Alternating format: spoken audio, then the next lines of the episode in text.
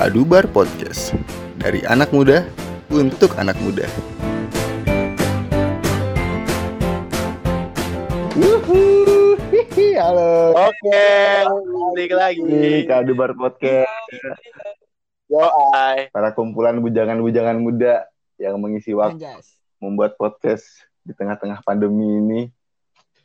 Oke, Yoi. jadi kita mau bahas topik-topik hangat nih, topik-topik baru di kehidupan dunia nyata. Yang pertama apa tuh? Yang pertama gue pengen bahas yang yang lagi baru banget ya, seputar si Habib Rizik Sihab nih. Yang dia menyerahkan diri ke Polda Metro Jaya.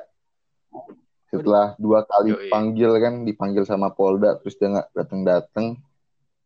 Akhirnya di yang ketiga ini dia datang dengan cara menyerahkan dia bukan menyerahkan diri dengan cara datang dengan sendirinya tanpa dipanggil atau disergap ke rumahnya gitu menyerahkan diri lah gitu gue pengen tahu Berarti gentleman pendapat kalian Yoi. gimana nih datang dengan sendirinya gitu ya Iya, menurut gue juga akhirnya akhirnya dia Hmm? berhasil berhasil menguasai ego diri sendiri juga dia kan kemarin udah sempet dipanggil kan datang-datang. Mm. Nah sekarang akhirnya dia datang untuk memenuhi panggilan ke polisi. Bagus sih menurut gua gentleman daripada yang kayak sebelumnya kan kayaknya kalau gue lihat dari opini gue sendiri kayaknya dia kabur lah. Bener banget gitu tuh. banyak agak, agak banyak bohongnya juga Iya. lah menurut gue ya. Akhirnya dia bisa menaklukkan ego diri dia sendiri sekarang. Sama gue juga kayak gitu soalnya kan karena emang karena emang di media pemberitaannya kan kita kan taunya emang si Rizik Sihab ini kan nggak datang dan nggak ada info kan nggak ngabarin. Terus juga si salah satu laskar FPI-nya pun cuman ngabarin dia lagi sakit istirahat kayak gitu kan itu kan kayak masih ngegantung nggak sih info-info kayak gitu buat masyarakat tuh itu sih yang gue ngerasa agak bukan kesel ya cuman rada pengen cepat-cepat aja gitu cepat-cepat ngelarin kasus FPI ini kan di tengah pandemi gitu biar cepat-cepat damai semua tentram semua gitu kan di nggak ada lagi bentrok-bentrok demo-demo kayak gitu apalagi sampai ada yang korban tuh enam orang itu Nah. tuh, yang aksi Nah. bener banget tuh tuh. oh iya tuh yang FPI itu yang ditembak enam orang itu ya di tol apa tuh Ya. tahu gue tuh Udah gitu CCTV-nya mati, Pak. Jadi nggak ada reka adegan atau rekaman ulangnya. oh emang gitu gung ya Iya. Yang gue baca di berita gitu. Jadi susah jadinya tuh eh bicara tentang fakta atau yang kejadiannya gitu. Karena CCTV-nya kan mati. hmm. Kenapa bisa gitu ya? kalau itu itu juga sih yang bikin gue bingung sih tapi ada bukti yang berupa suaranya ya kalau nggak salah suara gimana tuh Dut? Gue kurang tahu tuh kalau nggak salah ada, ada voice ada voice note-nya gitu deh voice note voice note saat menembaknya apa voice note apa nih voice note koordinasi dari oh gitu pihak FPI-nya.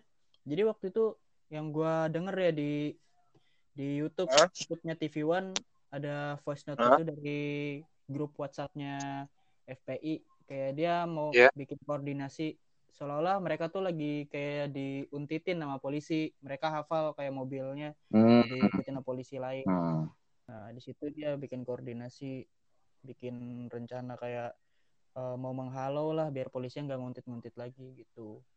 oh kalau itu gue beritanya ke- tuh Nah, soalnya kalau opini gue ya, emang kalau di berita nih, pendapat dari para laskar FPI sama Polda itu emang mempunyai opini masing-masing gitu loh. Iya itu Dan dia. sama-sama emang membela membela diri mereka masing-masing dan itu pun emang wajar karena menurut gue ya, emang benar-benar Iya. wajar.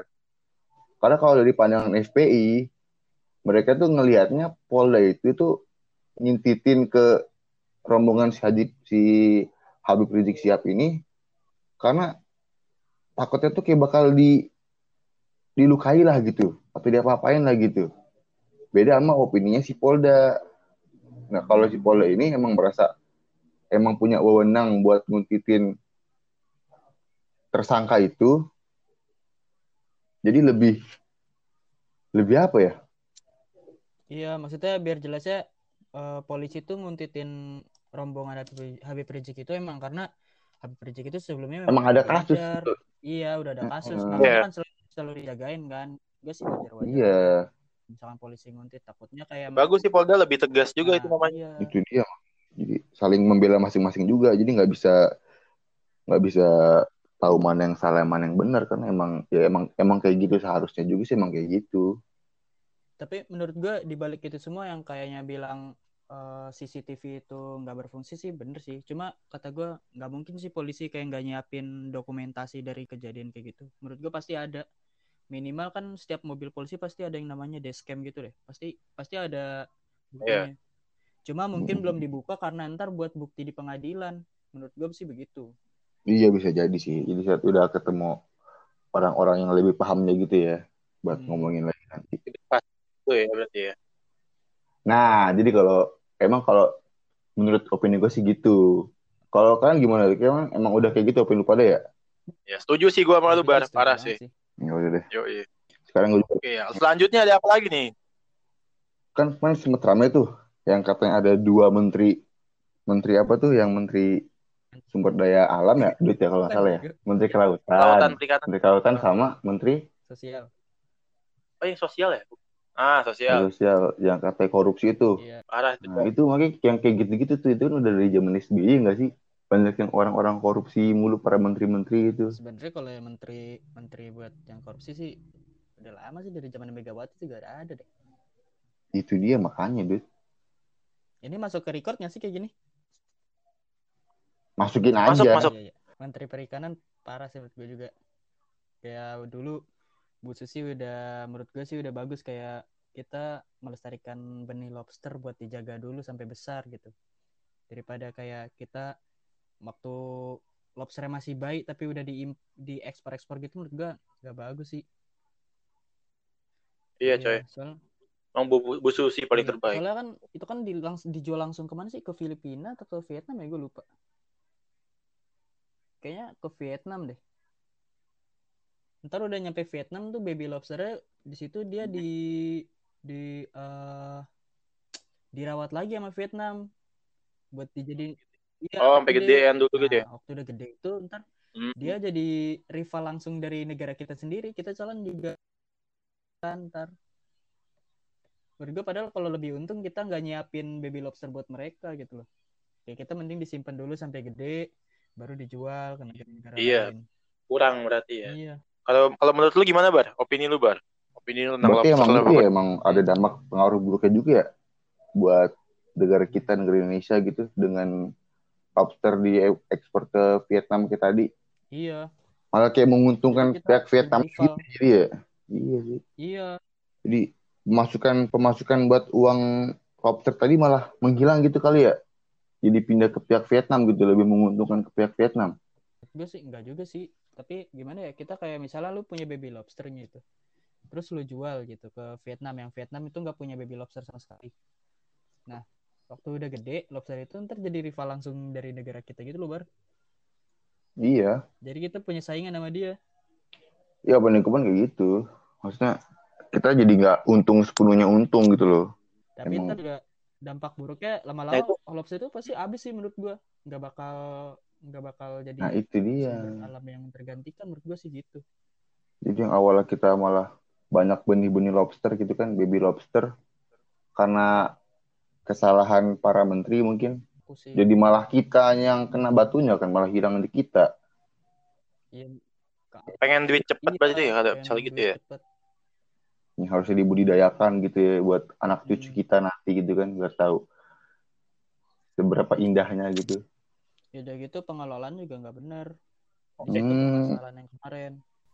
Kayak kan itu kan dari keputusan menteri kan, kayak buat eh, kembali menjual baby lobster itu itu keputusan menteri. Nah, di menterinya itu yang ngatur tuh yang boleh ngejual siapa aja misalnya perusahaan ini perusahaan ini perusahaan ini. Terus yang kemarin gue lihat dari datanya rata-rata perusahaan yang boleh jual lobster itu dari perusahaan yang eh yang ber apa ya namanya?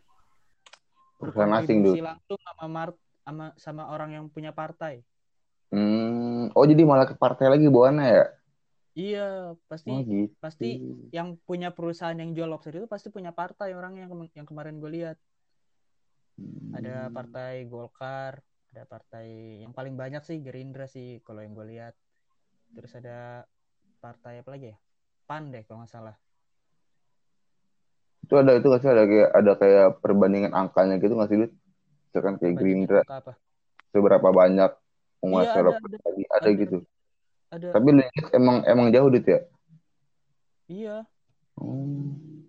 Kalau nggak salah berapa ada berapa perusahaan gitu. Paling banyak sih menurut gua, eh bukan menurut gua, dari datanya itu eh, dari Partai Gerindra. Jadi kebawa-bawa ke karena politik partai lagi ya begini ya. Iya. Tapi emang kalau ngomongin negara emang pasti kayak gitu sih. Emang namanya juga negara kan emang pada pengen jadi pemimpin gitu loh.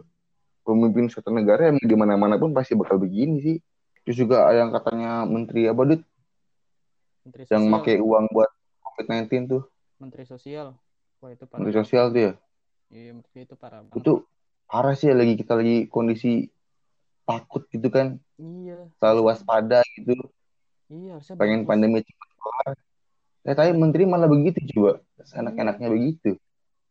Iya, makanya kan harusnya bansos itu kan dipakai buat membantu masyarakat yang Hmm. bisa dibilang susah kan. Benar, benar banget. Namanya aja kan bansos ya, bantuan sosial gitu kan. bantuan sosial. Itu lumayan loh, padahal itu senilai 300 ribu satu keluarga, satu kakak. Dipotong sama menteri Itu 10 udah- ribu. Iya tapi makanya tapi kalau walaupun sepuluh ribu tapi kalau misalkan keluarganya ada banyak ya menterinya untung ya nggak sih Iya, heeh. Itu malah di dia untung kan kayak gitu kan berita aja sampai 17 miliar. no itu dia banyak ya kata 17 m cuy itu udah aduh gue kalau punya duit segitu mah udah gue beliin tanah di mana-mana kali itu gue bangun buat usaha saya kan cupang kayak gitu maksud Dosa 17 gitu. M uang haram Itu kalau nggak salah bansos dari mana sih? Dari Cina ya? Bansosnya ya? berapa? Nah, kalau gua nggak salah kemarin gue baca berita itu bantuan sosial dari Cina. Nah, berita korupsinya nyampe ke Cina Waduh. anjir. Oh, Ya, masyarakat Cina Hmm. tahu semua Indonesia parah jadi gitu. malah malu-maluin lagi malu-maluin negara lagi ya orang Itu luar itu tahu dia, coy. orang orang tahu nah itu gue juga baru tahu tuh duh tapi yang kalau yang ngomongin Cina yang katanya vaksin nyampe ke Indo tuh udah dicoba belum sih ke warga kita Udah kan beberapa relawan. Nah, tuh. Itu kira-kira berarti udah belum sih? Relawan udah deh beberapa. terus ada hasilnya nggak sih Dut? Hasil hasil lagi itu karena gue nggak ngikutin beritanya ya sekitar covid ini. Gue juga suntuk bacanya juga. Hasilnya nggak tahu deh, gue kurang tahu kalau hasilnya. Tapi setahu oh, belum tahu hasilnya. tapi tapi udah udah udah ada relawannya gitu ya? Udah ada sampai gubernur ini aja gubernur Jawa Barat. Ridwan Kamil aja kalau nggak salah dia jadi relawannya deh. oh gitu. Oh si Ridwan Kamil jadi relawan juga deh? Hmm, jadi relawan deh. Hmm, gue baru tahu tuh Tapi menurut gua nggak kayaknya sih nggak nggak terlalu efektif juga sih soalnya masih ada relawan yang tetap kena COVID-19 ini. masih ada juga emang ya Masih ada. Nggak terlalu efektif lah menurut gua. Oke emang sebenarnya yang paling penting sih emang imun tubuh sih. Hmm, yang penting jaga kesehatan. Tetap Benar, itu benar. kayak tetap Imun makan rutin tiga kali sehari gitu kan vitamin C. Ya itu kayak jaga jarak, pakai pakai masker. Amin. Itu emang penting banget sih kalau gue bilang juga di masa pandemi kayak gini. Karena kalau vaksin gitu kan juga sebenarnya kan kita nggak tahu ya. Maksudnya itu bakal yang katanya ada kok yang katanya dibilang vaksin itu vaksin haram gitu. Dari Iya. kulit dari kulit babi, kulit babi gimana gitu yang katanya yang katanya grupnya kayak gitu tuh. Iya. Nah, itu emang emang emang beneran ada emang gue juga tahu itu emang kata emang sempat ada berita kayak gitu Hoax nggak sih? di vaksin ya kayaknya sih emang hoax sih kayak emang hoax cuman sempat ada beritanya aja Soalnya kalau sih kalau dari gua baca artikel-artikel gitu, kalau nggak salah vaksin COVID-19 itu dari hiu deh. nah dari hiu beda-beda Ya kalian nih dari babi. Dari hiu aja. Lu, lu cek aja Google sekarang. Dari hiu, jadi beragam gitu dari beragam gitu ya. dari hiu terus dari dari hiu, paus gitu Aduh, dari babi aja. Itu mah orang yang kagak suka aja. ya para para pengangguran yang main WhatsApp aja tuh iseng-iseng bikin kayak gitu tuh biar viral tuh Iya. Vaksin ntar kalau misalkan udah datang, eh udah datang ya kalau nggak salah ya? kagak udah sih Udah datang kan? Mhm. Nah, Udah, udah sebagian. Bagi orang yang mampu. Iya, bagi orang yang mampu suruh beli. Beli. Terus kalau yang nggak mampu ini gimana tuh Yang nggak Wajib. mampu berarti. itu bukannya ya mending gue jadi orang yang nggak mampu kalau begitu mending gue jadi orang yang nggak mampu kalau dikasih yang nggak mampu kalau yang mampu beli kata lu Ya tinggal gitu juga dong. Kalau misalkan yang mampu ya lu mending beli aja lah. Sekalian hitung-hitung hitung-hitung bantu Ya, pemasukan buat negara gitu loh. Soalnya kan Hmm, sama-sama iya lagi sih ya. susah. kan ada hak haknya Hmm. masing-masing Iya. juga tuh Kira-kira bakal bakal manjur nggak gitu ya? Bakal bakal ada efeknya nggak ya pakai vaksin gini? tahu sih menurut gua mungkin ngaruh sih buat imun tapi nggak tahu juga kalau buat covid 19 ya bakal bisa dicegah kayaknya belum tentu deh Tapi kalau misalkan imun lu emang kuat, COVID-nya pasti kalah, Dut. Emang emang kayak gitu setahu gue juga emang bukan setahu gue emang kata dokter pun begitu. iya anjay Tergantung imun emang tergantung imun tubuh lu aja itu. iya Makanya yang banyak korban COVID tuh orang-orang yang sudah berumur tuh ya karena itu karena imun udah nggak kuat. iya sih ya. yang Kalau yang masih muda kayak kita kan pasti ber- beberapa hari pun COVID-nya udah kalah karena imun kita masih kuat. Oke nih Dut, jadi gimana Dut yang kata lu em, vaksin datang kan katanya tahun 2021 ya? Ya. Tapi ada isu lagi katanya pandemi ini masih bakal berlanjut sampai tahun 2021 Dut. Nah itu kan berarti kan vaksinnya nggak nggak nggak berjalan dengan baik dong, ya nggak sih? Hmm, mungkin gak gitu sih bar menurut gua kayak vaksin nih kayak baru datang tahun depan nggak mungkin kan kayak semuanya langsung dapat gitu seluruh wilayah Oh iya Ya, juga sih, ya. iya iya iya. Benar, benar, benar. penting dulu kan dari kayak Jakarta Jawa Barat Iya sih mungkin yang emang kasusnya banyak dulu kali ya. Iya, mungkin baru- menurut gua sih ya kayaknya sih bakal pandemi ini bakal 2021 juga masih lanjut menurut gua Gitu nggak berhenti berhenti berarti emang ya. iya dari ini Corona begini bisa eh, berapa eh, tahun ya? gue kemarin ngobrol sama gue yang kuliah di Bandung aja katanya dia baru mulai kuliah offline rencananya itu bulan September 2021 Waduh. Berarti tuh lu nganggur 2 tahun tuh ya? Temen itu nganggur 2 tahun di kuliah tuh. Eh, tapi lu kemarin baca nggak sih yang di grup itu ada berita 11 guru Nah, UP kena COVID. tuh. Iya tuh itu bener itu itu bener gak sih yang Hoax katanya ada 11 guru kita kena 11 do- guru 11 dosen 11 dosen, dosen, kita kena dosen, iya. covid juga Guru, positif covid itu beneran gak sih dosen mana UP lur emang emang dosennya apa ya? Ya. Bukannya staffnya ada beritanya dikirim dikirim sama Iya, si anak ajeng tuh loh. Eh jadi nyebut nama. Nggak apa-apa. Ada yang dikirim sama nih nih gue buka deh. Eh keluar dong gue jangan gue gue gue tahu sih gue tahu. Jadi ya kalau misalkan dosennya pun positif kayak gitu ya gimana kalau kita jadi kuliah offline kan? Malah membahayakan lagi kan? Terbaru bahkan jadinya mahasiswa mahasiswi membahayakan keluarga Parah para mahasiswa lagi kan. Nah, nanti makin ribet lagi tuh. Udah gitu kalau misalnya offline pasti juga agak ribet sih. Pasti dibatasin juga jumlah eh, mahasiswa di kelasnya ntar. Oh, emang gitu. Jadi walaupun Ah, pasti jadi gitu. offline tahun depan tuh tetap menerapkan protokol ya kita kuliahnya ya? Iya mungkin Dijauh-jauhin gitu, saling tetap kayak jaga-jaga. gitu ya? Pastinya sih. Ya, Mungkin makanya juga. nggak kelar kelar sih ya. Iya. karena emang kalau pandemi gini susah sih ya. Ada lu tau kayak waktu dulu ada kayak flu Spanyol tuh. Iya. Lu tau gak sih yang ada apa 10 tahun 15 tahun itu? 100 Spanyol. tahun. Iya ada sampai kayak gitu-gitu tuh yang ada juga di Af- negara Afrika tuh. Hmm. kayak bintik-bintik. Sampai 15 tahun apa tuh? Sekarang gue lagi lihat nih, eh, coronavirus yang update kan. Di Indonesia tuh yang kena udah 617 ribu kasus. Gila ya, semakin naik tiap hari kan. 617 ribu ya yang kena ya Yang kena 617 ribu ya. Yang meninggal 18 ribu, yang sembuh 500 ribu. Yang masih aktif kasusnya 93 ribu orang tuh masih aktif. yang masih positif gitu ya bagaimana ya. Negara yang paling banyak itu India. yang kena Amerika sih, Pak. oh, bukan 16 India ya India Oh, bawahnya gitu juga. 9 juta. tapi emang negara India tuh Iya. kacau sih kalau lu tahu mana nggak bohong kacau gue juga kan. Negara tuh nggak bohong gitu. Kacau parah, Pak. negaranya aduh. Mana cowoknya mana dekil dekil banget lagi hitam hitam begitu kan aduh. Dakian semua begitu. Aduh anjir iya lagi makanan ya kan.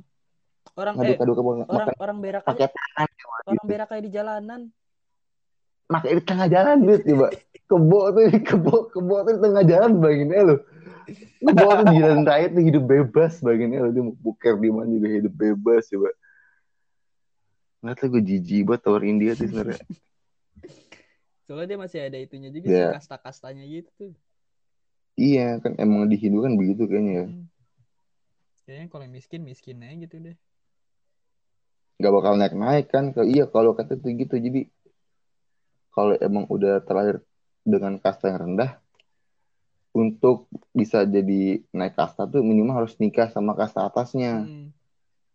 Nah kasta atas nikah sama kasta bawah kan gak ada yang mau. Yang mau kan jarang gitu. Iya. Jadi susah emang kata Iya. kata teman gue tuh gitu orang Hindu tuh. Lu kayak abis gimana tuh kayak waktu pilkada kemarin aja tuh yang ada hoax katanya wakil wali kota wakil bupati Solo si Gibran tuh wakil wali kota apa bupati sih Wali kota cuy. wali kota ya wakil wali kota ya, Bukan wali kota Solo si. Gibran Wali kotanya deh. iya wali kota Solo yang Gibran tuh anaknya Jokowi anak sulungnya Jokowi yang katanya bikin konvoy kemenangan Hmm. Ya kayak gitu-gitu banyak juga tuh. Tapi yang gue baca sih ternyata itu itu berita hoax sih ternyata. Ternyata Oh, iya. hoax, nggak ada konvoy sama itu. sekali berarti.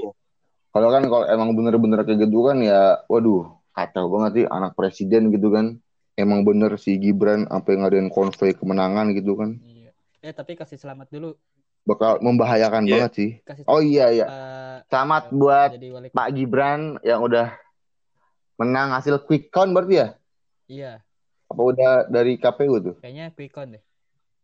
Quick count ya? Ya dari hasil quick count sudah memenangkan Sama sebagai wali kota Solo. sama saudaranya Yeay. Bobby. Selamat kepada Bobby ya. Bobby jadi apa tuh? Wali kota wali kota Medan. Daripada se- semenjak kayak anaknya Pak Jokowi jadi eh, pejabat di satu daerah, menurut lu jadi ini gak sih? Jadi kayak kerajaan politik gitu gak sih? Ya kayak gitu ya kayak tim-timnya Bu Megawati Soekarno PDIP gitu nggak sih? Iya. Kan jadi Jokowi jadi presiden, anaknya jadi wali kota. Iya maksudnya eh, kayak dari Pak Jokowi sendiri kan udah jadi presiden gitu. Terus anak-anaknya juga jadi pemimpin-pemimpin di daerah itu Hmm. kayak eh, jadi kayak dinasti politik kan sih? Iya. Eh, Kalau gue bilang belum sih Dut. dipimpin sama keluarga sama keluarga dari eh, Pak Jokowi gitu loh. Awal mulanya. Tapi Iya. iya mungkin kalau udah di- dinasti sih belum sih Dut. Karena ini kan emang baru dan ini kan emang udah tahun keduanya Jokowi kan. Nah Iya. kalau tahun ketiga misalkan dari PDIP lagi atau dari keluarga Jokowi lagi yang mimpin, nah bisa jadi kayak gitu. Hmm, iya paham gua. Kalau misalkan gue belum, 2024 gitu ya, tahu-taunya ada iya misalkan gitu kan. Jokowi gitu yang mau jadi nyalon presiden Nah, baru tuh dinasti Ya politik itu ya. baru tuh. Ini gue pengen Oh, nanya tahu lagi guys. Apa tuh Gue pengen tahu nih kalian yang soal match week Apa tuh? 12 Liga Eropa nih. Wah, iya Kan mantap. semalam ada kayak derby Manchester tuh. Ada derby Madrid. Ada apa lagi tuh? Yang Madrid menang 3-0. Barcelona deh kalau nggak salah. Yang Oh, no. MU kalah Itu Juventus 0-0, kan? MU imbang 0-0 di Manchester Derby. Yang game itu ngebosenin banget parah guys. Parah lur itu lur game lur. Oh iya iya iya. Yo, Manchester tapi Derby ya? 0-0 gung, endingnya gung. Itu gue gak ngerti kenapa kayak gitu tuh. Sampai legenda MU tuh ya, si Raikin. Eh, bukan Raikin. Ah, Bukan Raikin. Sampai legenda Liverpool, si Jamie Carragher, itu ngomong ke media. Itu, itu, itu bukan kenapa? derby. Derby itu Katanya? gak kayak gitu. Masa setelah pertandingan derby, lu malah peluk-pelukan, saling ketawa-ketawa bareng. Saling cipika-cipiki begitu. Itu gak bisa kayak gitu. Derby Iya. itu lu tuh musuhan. Harus ada yang menang kalau derby. Bukan main imbang kayak begitu. Masa Ya bisa emang gimana? Mana caur-caur banget gung. Malam tuh nggak bohong gue. Ngeliatinnya tuh, aduh. Ya emang kalau jadi fans MU tuh harus sabar mulu tuh. nah kalau setahu gue yang kemarin tuh derby derby MU gitu kan Wah, pasti itu. berdarah tuh ya ada ada clash lah ada apa doi. Tapi menurut lu lu kan sebagai fans MU ya, lu puas gak sih formasi semalam itu kayak yang depannya Rashford, tengahnya ada Bruno Fernandes, ada Kurang Mason sih gue mah. Nah, kenapa ya? Mungkin emang karena lagi terpukul sama Liga Champion apa gini soalnya emang nggak bisa nyiptain peluang Gung semalam tuh Gung. Peluang mematikan cuma satu kalau nggak salah tuh. Attempt itu cuma satu. Coba gue cek lagi deh. Ini gue baca shoot on targetnya itu sam seimbang tuh. MU 2, ya kan? Itu juga Dia dua. on targetnya berapa? Nah, itu, shoot on ya, target dua-dua sama. masa lu main 90 menit cuman bisa nyiptain dua on target? Di laga derby juga bagian di laga derby coba di laga Kayak laga derby itu tuh udah ya. kayak mana RT tuh nggak lu itu tuh udah caur-cauran banget nggak bohong gua ancur-ancuran banget Kayak laga amal. ya. 90 menit laga derby lu tuh main dengan cuma dua on target kan nggak lucu banget gitu. Soalnya gimana lu? Lu kan fans Madrid nih. Oke, setelah dari derby MU kita pindah Hmm. ke derby Madrid ya. Ternyata emang masih Real Madrid sih masih mengungguli. Masih jauh gitu. itu ya, bagaimana paham lagi saya. Kalau buat dari ball position gimana sih. Gung? Eh, position dipegang sama Madrid sih, tipis dia ya. 56%. Kalau Atletico Tipis itu tipis tipis. Nah, tapi gue bingung di Atletico cuman bisa nyiptain shoot on targetnya cuman satu. Satu doang gitu. Atletico. Satu doang. Atletico kalau targetnya Madrid tiga, beda tipis juga sih. Tapi Tiga, si tiga banding satu. Madrid Gitu. mana full team gak sih? Si Madrid main si Kenapa? Atletico Madrid main full team gak sih? Kalau dilihat dari line up-nya full siapa? team sih. Ini kalau Madrid nih pakai full tim parah dari apa namanya? Dari gelandangnya ya kan Hmm, Casemiro, Toni Kroos, ya. Modric ya kan. Si itu Ya, main gak si Hazard? Si, si Hazard enggak dia aduh parah banget lah. Kayaknya ya. beli Hazard tuh Aduh, kayak makanya marah nyesel gitu lah. Kakinya kaki ya, lah. Kacau cedera mulu kaki ya. rawan banget. Itu dia makanya coba pindah ke Madrid bukan malah bintang malah bapuk si Hazard. Yang lagi naik malah Lucas Vazquez pemain lama. Dia larinya wah parah Oh, banget semalam. Pas ya. Lucas Vazquez. Pemain akademi itu apa dia. gimana? Akademi ya. Dia akademi dia. Ada Vinicius juga, Vinicius cuman nggak terlalu ini sih semalam dia cuman kayak lari, gocek-gocek bola, Ah, keambil, iya emang kalau Vinicius emang gitu kayak emang gitu mulu nggak sih Gung dari zaman awal-awal datang ke Madrid juga. Heeh. Tuh kurang tajam, lincah tapi kurang tajam dikit lagi. Masih kayak kekanak-kanakan juga sih kalau gue lihat dari tingkah lagu sebagai bola tuh. Iya, Siapa backnya Madrid, back tengahnya yang ketemu yang Varane, yang Ramos, ketemu ke Varane. MU itu Varane tuh. Kita lihat saja ya, kita lihat. Oh iya tuh, katanya mau kita lihat saja rumor ya begitu, begitu gitu enggak ya? Udah tau lah gimana klub MU kan begitu kan. Rumor-rumor doang biasanya sih nggak terwujud biasanya kalau MU itu. Rumor-rumor doang biasanya. Kita bakal bayar. Iya, ini juga Madrid cuma rumor-rumor doang tuh mau datengin apa namanya striker baru kan. Masih ini aja Benzema terus itu kan si Benzema udah tua banget ya Gung ya 30-an sih tua sih. Tapi kemarin gacor kalau nyelamatin UCL Oh, dia emang nggak gitu jadi ya? Liga Malam Jumat tuh. lawan lawan 2-0 lawan- dia pala eh, pala dia tuh. yang lawan siapa Apa itu namanya Oh, Borussia itu. apa gitu gue lupa. Moklenburg itu bukan sih 2-0. Borussia Moklenburg itu bukan Mönchengladbach itu. gitu ya Iya. yang untungnya lah nggak masuk ke ya. Liga Malam Jumat lah ya poinnya gue gue kayak poin di situ lah itu Nah, kira-kira gitu- seperti gitu itu ya, Pak ya. Oke Ya. Yuk lah. Yuk. Ah, udah lah gitu dong guys. Adubar Podcast. Dari anak muda untuk anak muda.